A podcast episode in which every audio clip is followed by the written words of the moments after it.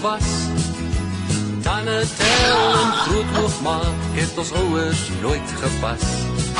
Hoog veeg met die plat hand of 'n blik hier aan jou oor. Van dinge wat die ouers sê, moes die kinders glad nie hoor. Baie mense vergoeilik lyfstraf en roep dit self soms nostalgies in herinnering. Maar kenners sê die nadele van lyfstraf is veel meer as die voordele daarvan.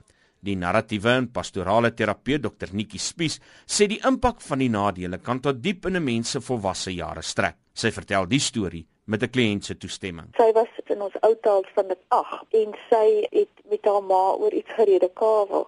En toe die volgende toe het die ma nou net genoeg gehad en sy pluk haar skoen uit, maar sy vergeet hoe sy te walk skoen aan. En sy het nou die meisiekind met die skoen bygekom weer en tot vandag toe kan sy byvoorbeeld glad nie walkskoen hanteer nie want die oomblik as sy self 'n walkskoen dra en sy hoor haarself loop op 'n vloer dat herinner dit haar aan daai dag wat sy daai pak slaan met daai walkskoen gehad het. In talle lande wêreldwyd is dit teen die wet vir 'n ouer, onderwyser of enigiemand anders om 'n kind te slaan. Voorstanders van sulke wetgewing beskou dit as barbaars, maar Suid-Afrikaners skop vier voet vas en dring daarop aan dat lyfstraf toegepas word. Spies sê Godsdiens is die groot dryfveer hier agter. Wanneer ek 'n uh, kliënte sien kom luister of baie keer ten sprake, dan sal mense vir vertel van hulle was in 'n baie streng huis groot geword, wat dikwels is dit 'n baie fundamentalistiese Christelike tipe van huishouding gewees en hoe die dissipline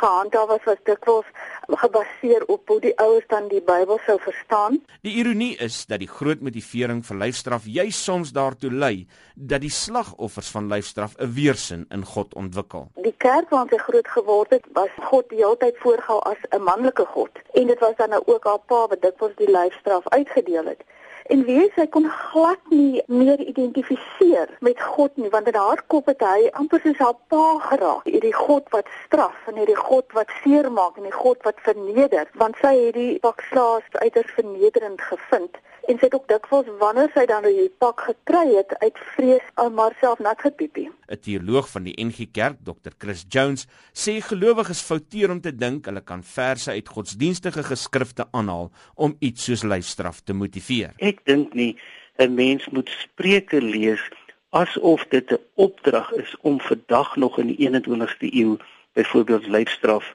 uh, toe te pas nie. Jones sê in die hedendaagse Suid-Afrikaanse konteks kan die goedkeuring van lyfstraf veral nie bekostig word nie. Ons is baie gewelddadig op die oomblik. Ek dink dit het heelwat te doen met ons geskiedenis. Met ander woorde, ons sit met opgeboude emosies vanuit die apartheidsera wat nooit na 94 effektief aangespreek en opgelos is. Jy weet emosies soos woede en aggressie en frustrasie wat oor jare opgebou is en al hierdie goed kan so maklik lei tot geweld en ons weet daar's baie navorsing gedoen wat sê dat opgeboude frustrasie gee dikwels geboorte aan geweld. Geweld wat nie aangespreek en opgelos word nie, skuif homself rond en hy spring op vreemde maniere en soms op onverwagse maniere na vore. Jy weet jy kan maar net kyk na gesinsgeweld, geweld teen vroue, padwoede, verkrachting, hoe mense by die werk geboelie word. Die aggressie wat by baie Suid-Afrikaners aanwesig is, kan moontlik uit die gevolge van lyfstraf in die verlede spruit, sê Netjie Spies. Want hulle is so kwaad, hulle het 'n geweldige kwaad in hulle want hulle het gevoel hulle het nooit regtig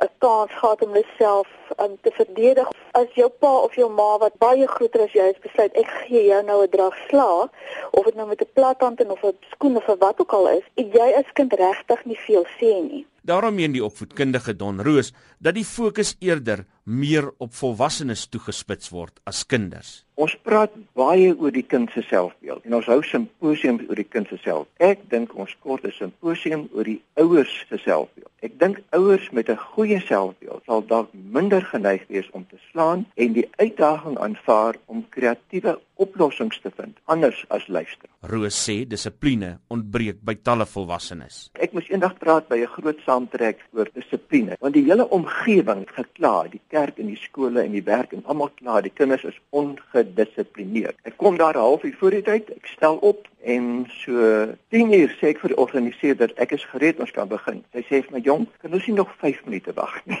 Ek sê vir dit hang af wie jy respek. Het jy respek vir die 50 wat hier sit, wat moeite gedoen het, hard gewerk het om betyds te wees, of jy respek vir die twee wat laat kom? Die gebrek aan dissipline beïnvloed ook ons persoonlike verhouding met kinders, sê Spies. As jy 'n persoon fisies slaan, hoeveel onderhandeling is regtig daar? En hoe leer 'n kind dan weet wat mens kan oor goed praat? Daar's verskillende maniere om goed uit te sorteer.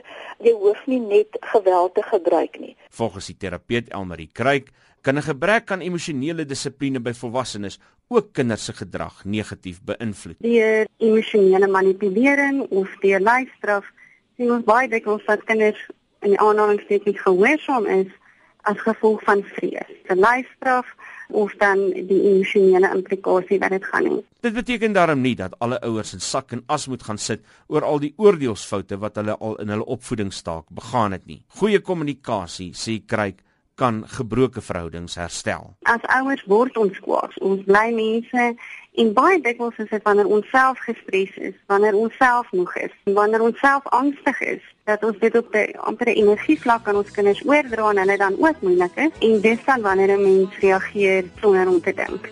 En ek dink 'n ander belangrike ding is wanneer dit gebeur dat jy kan teruggaan na jou kind en sê ek is jammer.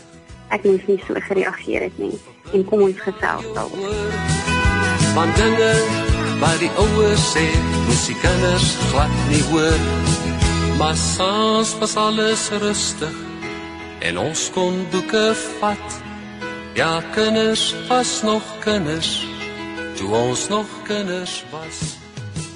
Kinders was Dit was die terapeut Elmarie Kruik en ek is Isak Du Plessis in Johannesburg.